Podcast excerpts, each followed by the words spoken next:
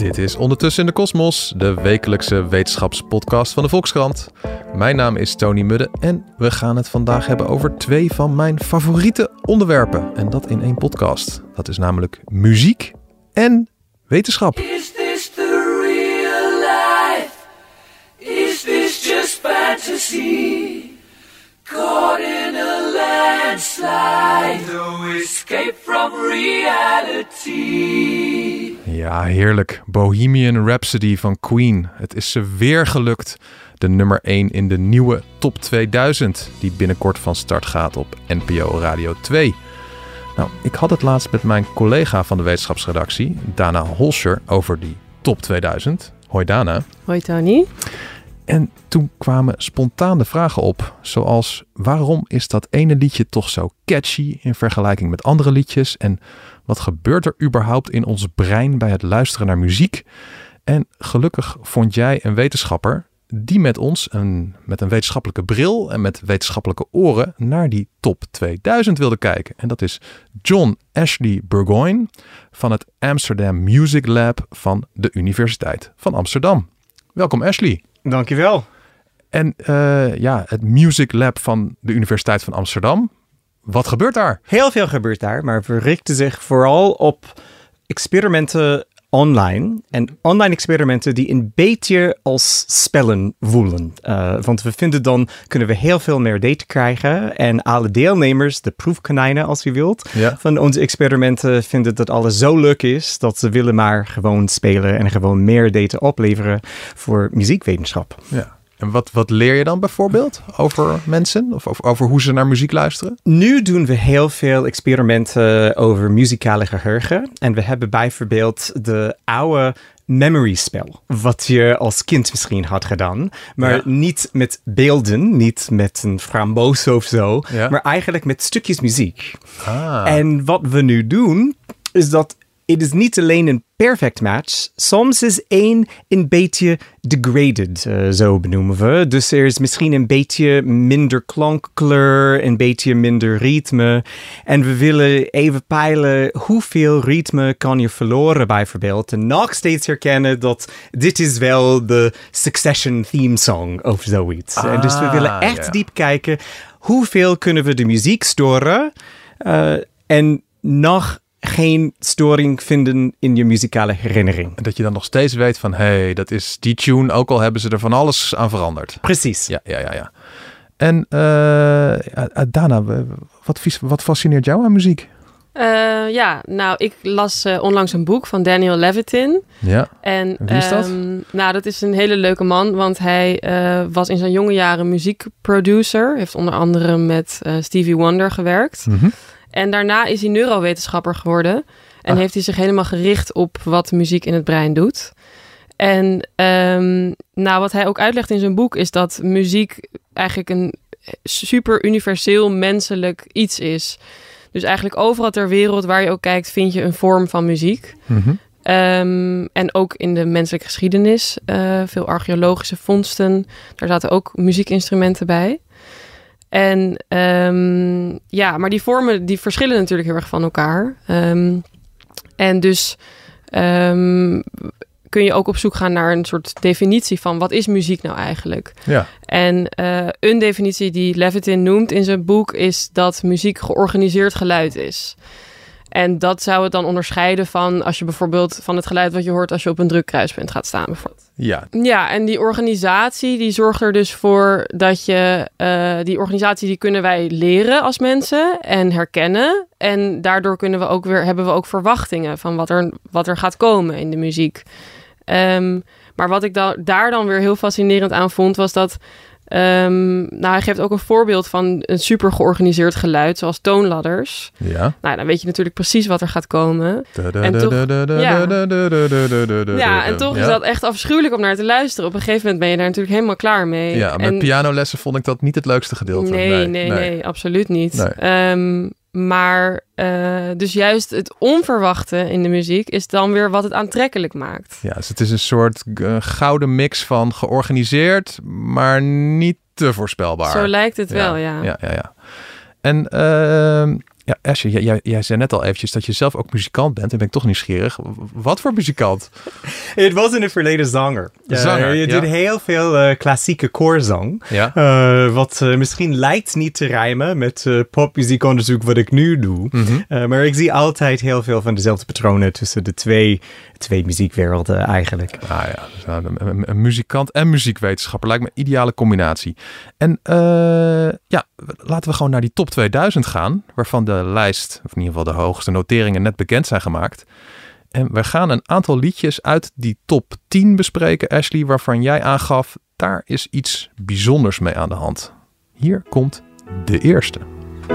Want je kunt niet zeker weten en alles gaat voorbij, maar ik geloof, ik geloof, ik geloof, ik geloof, ik geloof in jou en mij. Wij hoorden hier Avond van Boudewijn de Groot. En eh, waarom koos jij deze uit, eh, Ashley?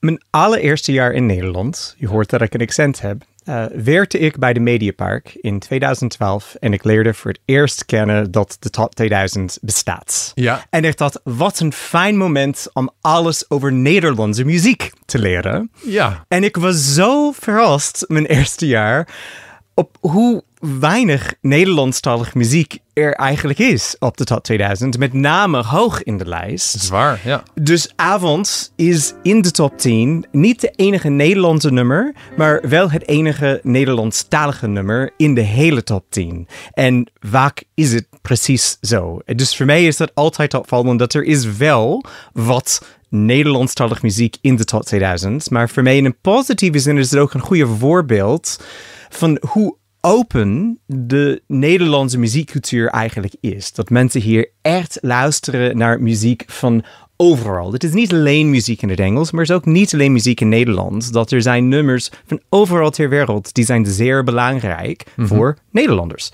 En eh, zegt dat ook iets wat het meest is toch wel Engelstalig? En dan denk ik zo van, ja, is, is er iets in mensen dat ze van de Engelse taal houden? Of is dit gewoon marketing? Of omdat het een dominante taal is? Of hoe, hoe zie jij dat? Nou, het kan zeker deels door marketing. Overal ter wereld is, is een bepaald Engelstalige pop kan dan eh, goed, you know, goed bekend. Eh, En dat is ook eh, hier zo. Eh, en natuurlijk helpt het een beetje als je de songteksten begrijpen.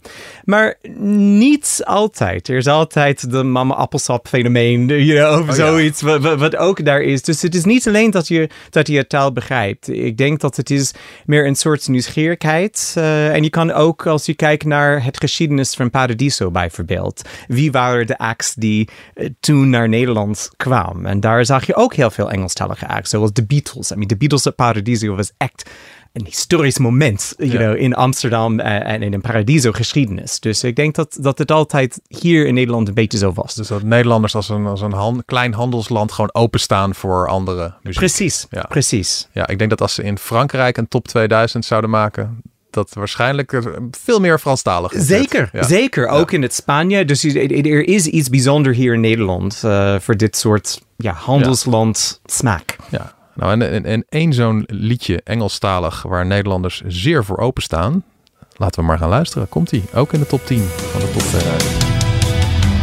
Trust I seek and I find in you. Every day for us something new.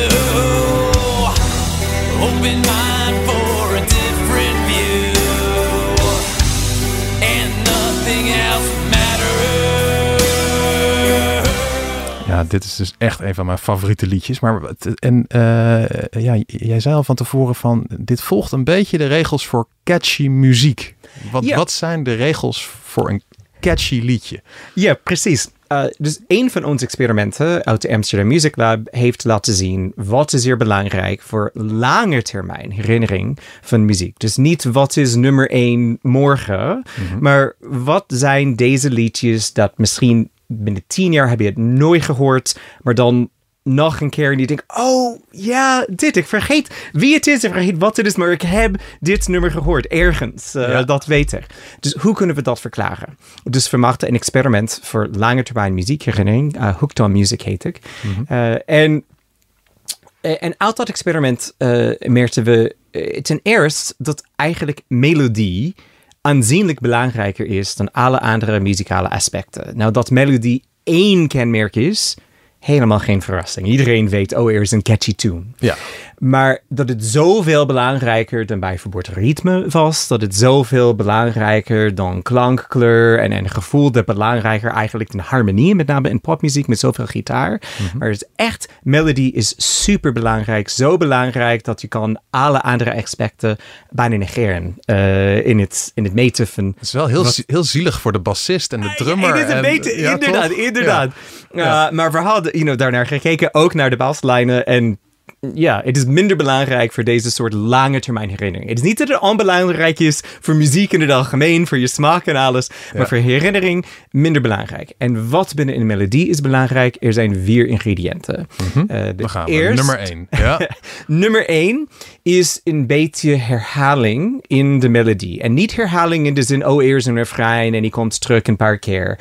Maar echt binnen de refrein, er zijn kleine motieven die zijn herhaald. Misschien niet letterlijk, I mean, kleine veranderingen, maar er is een soort klein motief die steeds terugkomt, zelfs binnen een hoek of een refrein. Dus dat is hier dan bijvoorbeeld never cared for what they say, never cared for what they do. Precies. Ja. Precies, dat is het.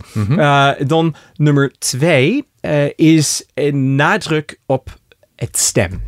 Nou, er is vrijwel altijd een zanger in popmuziek. eh, maar vaak is er ook heel veel begeleiding. Soms is er een tegenmelodie. Eh, als je denkt aan een refrein, bijvoorbeeld een typische opbouw van een popnummer, is dat de eerste keer is die redelijk eenvoudig. En dan elke keer dat de refrein terugkomt, maar uiteindelijk heb je een orkest en je bent in een nieuwe toonsoort you know, en alles. En dan klinken de kerstbelletjes. Ja, en- precies. Ja. Uh, maar we merkten eigenlijk dat het is vaak dat eerste versie van de refrein, wat best eenvoudig is, weinig begeleiding, soms bijna a cappella, dat beter te herinneren is voor mensen en beter te herkennen voor mensen is.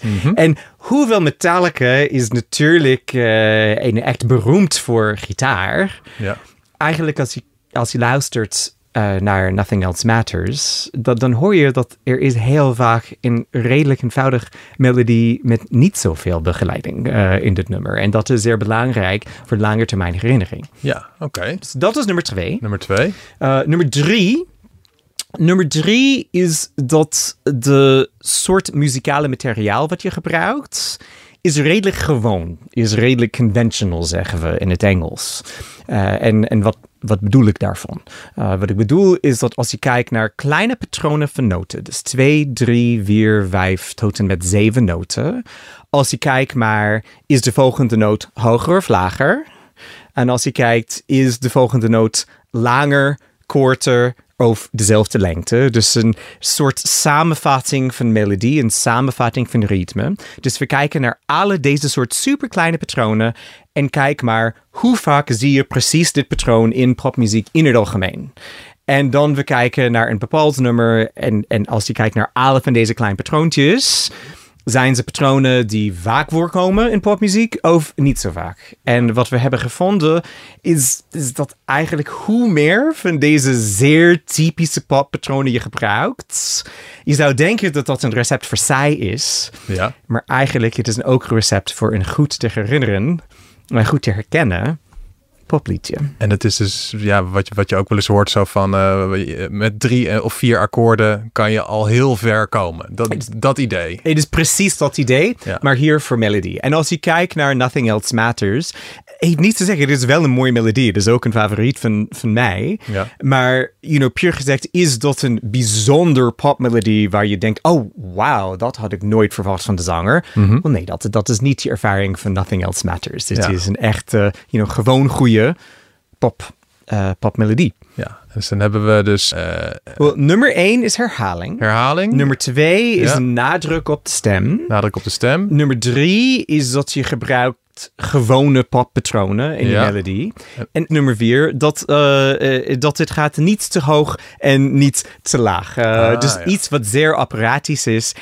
Eigenlijk een van de grootste tegenvoorbeelden van mijn regels eh, is Bohemian Rhapsody. Ja. Eh, het, het is Van helemaal... eh, Scaramouche. Scaramouche. Ja, precies. die, ja. Het is helemaal wat je niet moet doen, wat je moet niet doen eh, als je een goede plotnummer wilt schrijven. En eigenlijk ook in zijn eigen tijd. I mean, er was heel veel sceptisch over Bohemian Rhapsody. In de loop van tijd is hij een klassieker geworden. Ja. Maar dat was niet inmiddels zo.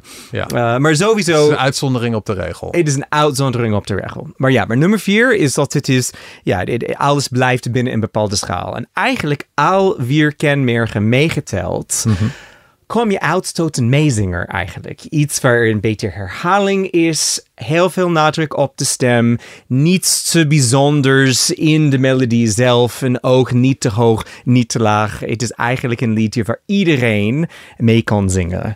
En, en dat is eigenlijk de recept voor een goed te herkennen liedje. En Nothing Else Matters is... Nou, omdat het zo verdrietig is, eh, we, we hebben misschien geen neiging te zeggen dat, oh ja, dat is ook een catchy nummer. Maar als je denkt een beetje meer wetenschappelijk, maar ja, is het een snel te herkennen nummer? Nou, dat is hij zeker wel. En is het er nou zo? Want ik vind dus van alle, alle liedjes in die top 10 is dit een van mijn favoriete liedjes. Maar dit is ook het liedje dat ik toen luisterde toen ik eh, puber was, eh, high on emotions en eh, de, de 27.000 keer herhaald heb in mijn slaapkamer en noem maar op. En, en waarschijnlijk mijn vader die zou dan liedjes van de Stones hebben. En daarna, jij bent wat, jij zit in de 20, ik ben in de 40. Wat, Ja. wat, wat, wat zou bij jou hoog staan in de top 2000? Nou, ik moet je eerlijk bekennen dat mijn meest beluisterde artiest op Spotify is Harry Styles.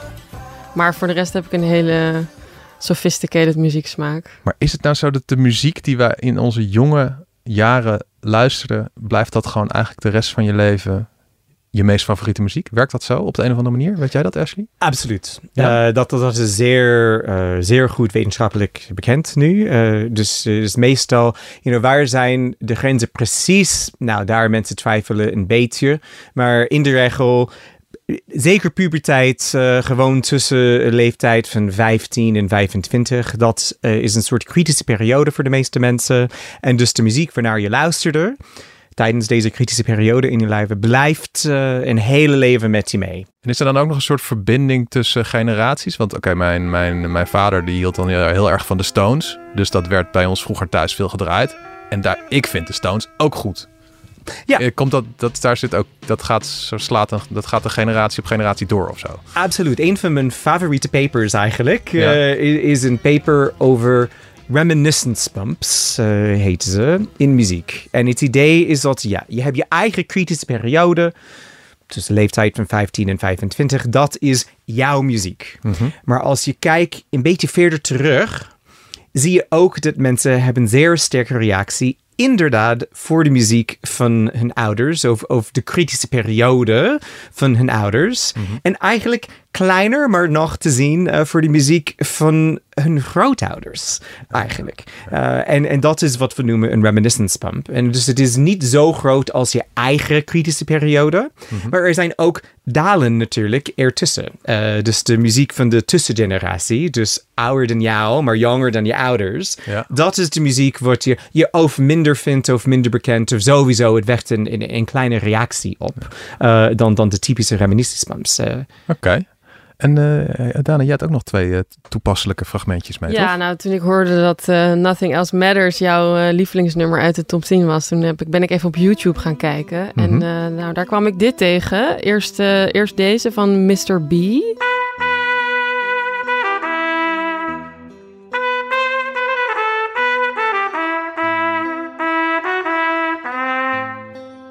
Ja, Mr. B houdt ook van Metallica. Ja, dat hoor je wel. Ehm, maar ik zag ook deze door een eh, pianist die heet eh Gamasta. Mhm.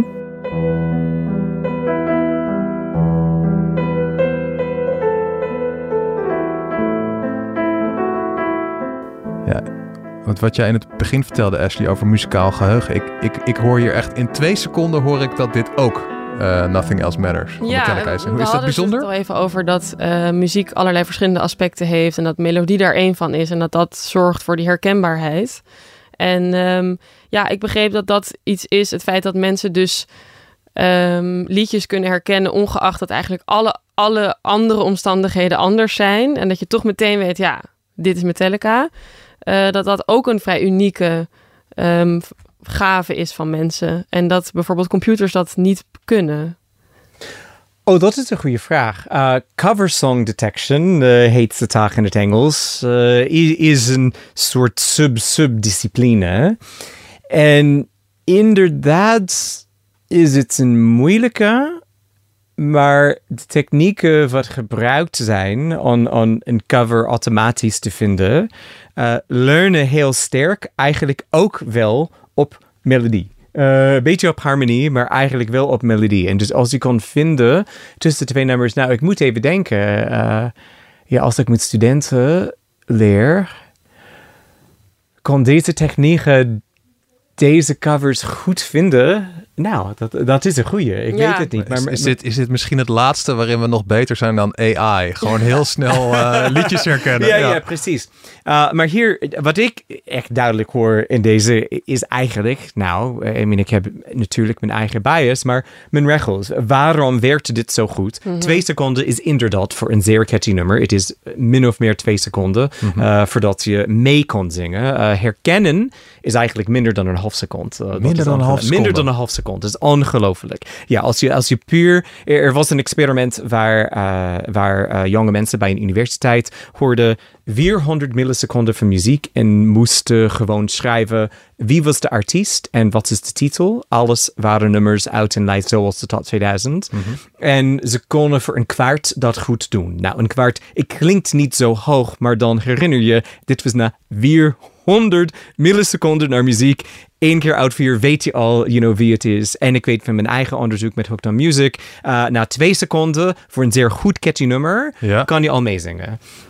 En eh, eh, laten we dit gewoon, luisteraars, we gaan dit gewoon eens uittesten. We gaan nu eventjes van eh, een- bepaalde artiest uit de top 2000. Gaan we iets minder dan één seconde laten luisteren. En dan mag, eh, mag u voor uzelf even nagaan of u meteen weet van, oh, die is het. Here we Ja, zeg het maar. Roep het maar door de, door de woonkamer. Zing maar mee. Maar dit was, eh, nu we hem ietsje langer horen. voor de luisteraars die denken, wat is dit?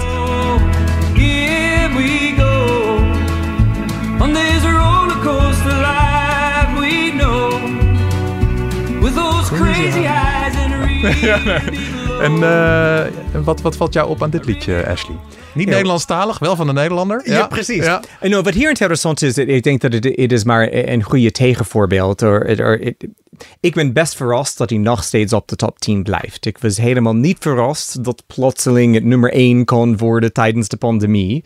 Maar vaak als je ziet dat nieuwe muziek en nieuwe nummers heel vaak in zijn allereerste jaar scoren ze redelijk goed op de top 2000. Misschien niet top 10, maar hoog. Ja, het is Maar dan ze- 2019. Het is precies. een relatief jong liedje. Ja. Precies.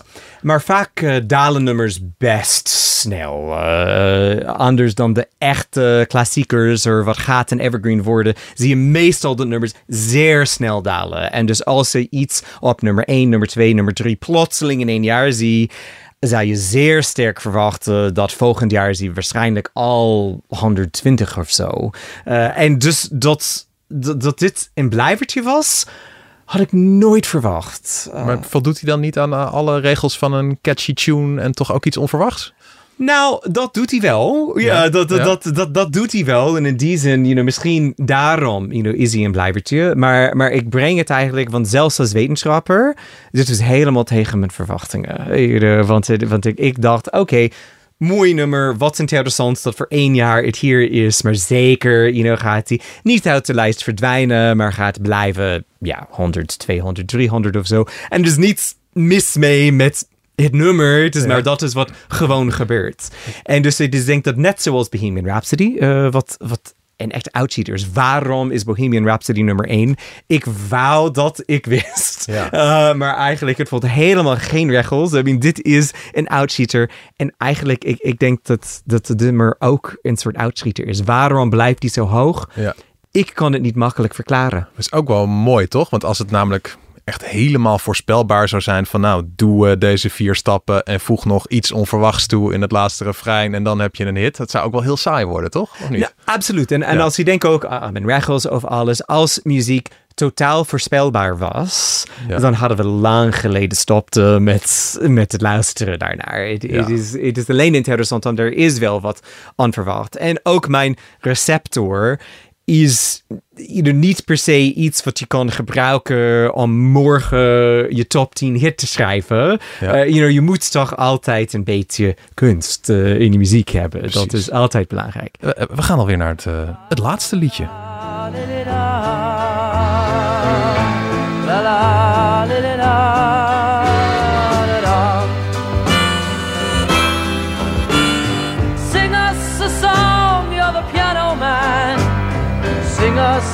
Song tonight. Well, we're all in the mood for. Piano Man van Billy Joel. Wat, us wat valt je daar dan. Zo hier wat opvallend is, is dat ik vind in vergelijking met de andere nummers op de top 10, dat dit is waarschijnlijk het vrolijkst. En het is niet dat ik zou zeggen dat dit een vrolijk nummer is, want dat is hij zeker niet. Maar kijk even weer naar de hele lijst van de top 10 en merk je, well nou, maar in vergelijking met die anderen is het misschien wel best vrolijk. En, en daar zie je al snel hoe nostalgisch eh, de top 2000 is. Ja. Wat hier ook, ik vind interessant, um, is dat ik heb ook gecheckt op Spotify. Nou, heel veel mensen weten het niet, maar iedereen met een Spotify-account kan kijken wat Spotify denkt van alle nummers die te spelen in Spotify zijn.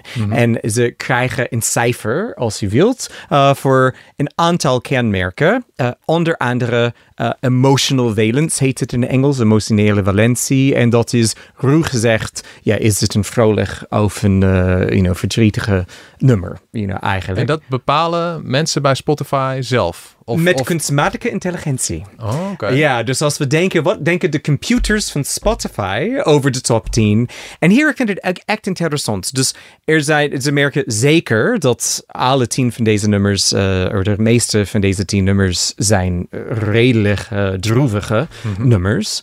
Maar er zijn twee uitzonderingen. Eén is Piano Man. eh, En dat merken, ja, is ook, ja, misschien neigt sowieso een beetje naar de vrolijker kant, eh, you Ja. kunnen we zeggen. Ja. De anders, hier ben ik niet met de computers persoonlijk eens, maar het is Hotel California. Dus als je kijkt, dus de hele emotional valence scale, dat gaat van 0 tot en met 1. Ja. De meeste nummers op de top 10 zijn 0,1, 0,2, dus you know, best droevig. Piano Man is 0,4, dus uh, you know, we bereiken de helft. Hotel California is 0,6. En dan denk je, nou, ik vind persoonlijk dat Hotel California eigenlijk een, een zeer droevige nummer is. En ik heb persoonlijk, ik weet niet waarom, maar soms zelfs tranen in mijn ogen, you know, Ja. als ik het hoor. Ja. Eh, eh, met name aan het begin. Uh, maar ik denk, daar zie je, maar de, de refrein is wel een beetje meer upbeat.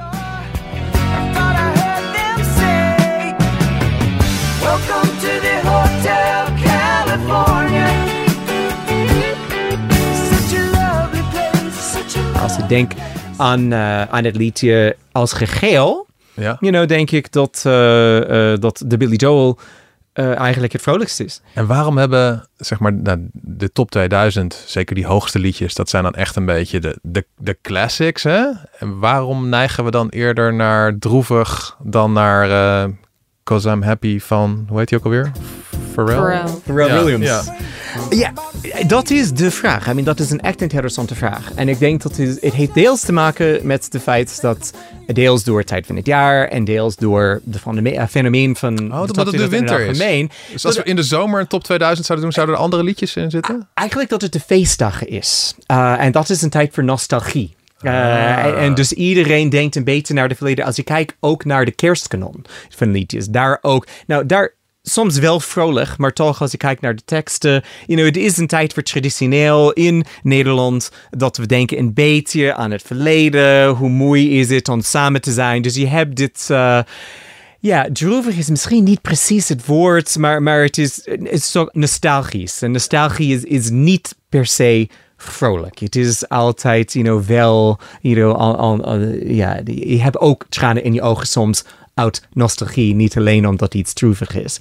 Uh, dus dat, ik denk, is, een deel van de verklaring. Maar het is ook zo dat als je denkt aan wat is de beste, er is een interessant onderzoek wat laat zien dat uh, muziek uh, uh, in um, mineur toonsoorten uh, zijn gezien als meer sophisticated. Een beetje meer recherché eh, you know, onder mensen. Nou, nou, eigenlijk de top 10, de helft zijn een major, de helft zijn eh, you know, een minor. Dus in die zin eh, verklaart het niet. Voor de luisteraars die nu denken, wat is het verschil tussen majeur en mineur? Hier komt eventjes eerst majeur.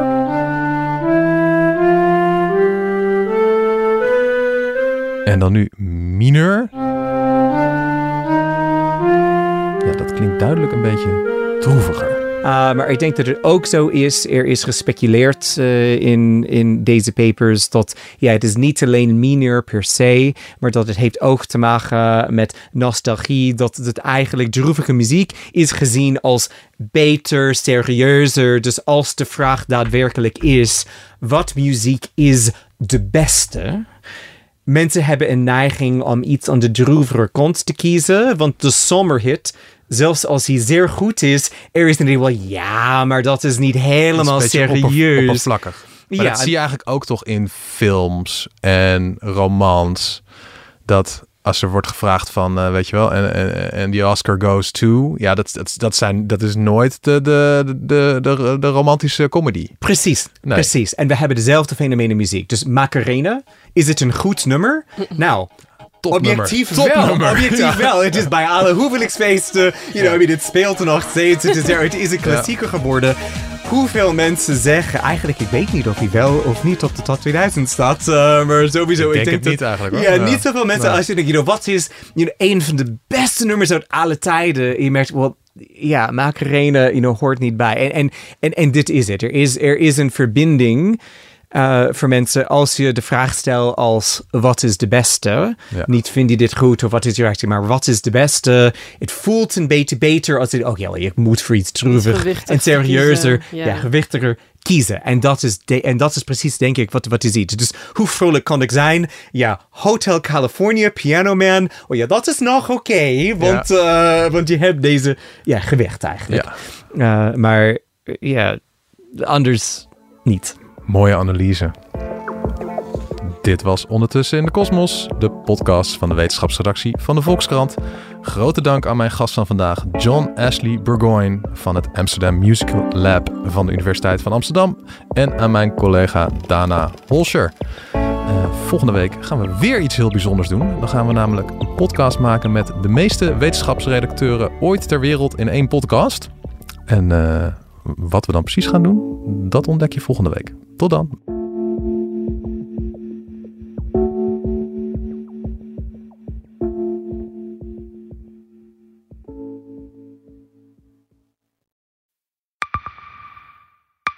Zijn leven is overhoop gegooid.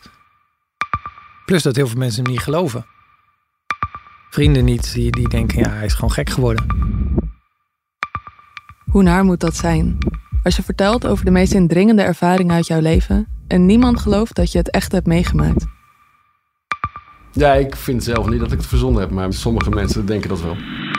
Maar hoe kom je erachter of jij het doelwit bent van een geheime dienst? Ik heb ook wel eens meegemaakt dat je het idee hebt dat inlichtingendiensten in je geïnteresseerd zijn. En dan kun je wel heel veel zien, wat er misschien helemaal niet is. Als ik s'avonds nog iets ging eten, dan volgden die mensen mij naar het restaurant. En dan terug van het restaurant naar het hotel. Als zij op een gegeven moment zei, kijk maar uit, want anders word je dadelijk nog wat voert ook. Shit, ik moet hier weg. Dat is, is niet goed. Nu word ik gevolgd. Een soort Truman Show is het gewoon. Hè? Alsof dat hele straatbeeld voor jou is ingericht. Maar dan wel met bedoeling ja, jou niet door te laten. Dit kan geen toeval zijn. Een nieuwe podcast van de Volkskrant. Mijn naam is Simone Eleveld en samen met Huid Modderkolk ontrafel ik een bizarre operatie van de geheime dienst.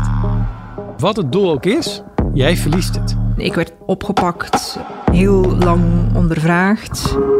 Maar hoe krijg je grip in een wereld die zo onderzichtig is? Als je zou liegen, dan zou je niet de meest relevante informatie twee jaar later tussen neus en lippen doorvertellen. Er zal nooit iemand zeggen, oké Bart, ik geloof je. Nooit, nooit. Dit kan geen toeval zijn. Vanaf 3 oktober bij de Volkskrant. Ik weet niet of ik ook alles kan vertellen. Het is echt te bizar. Wat? Ehm, ja,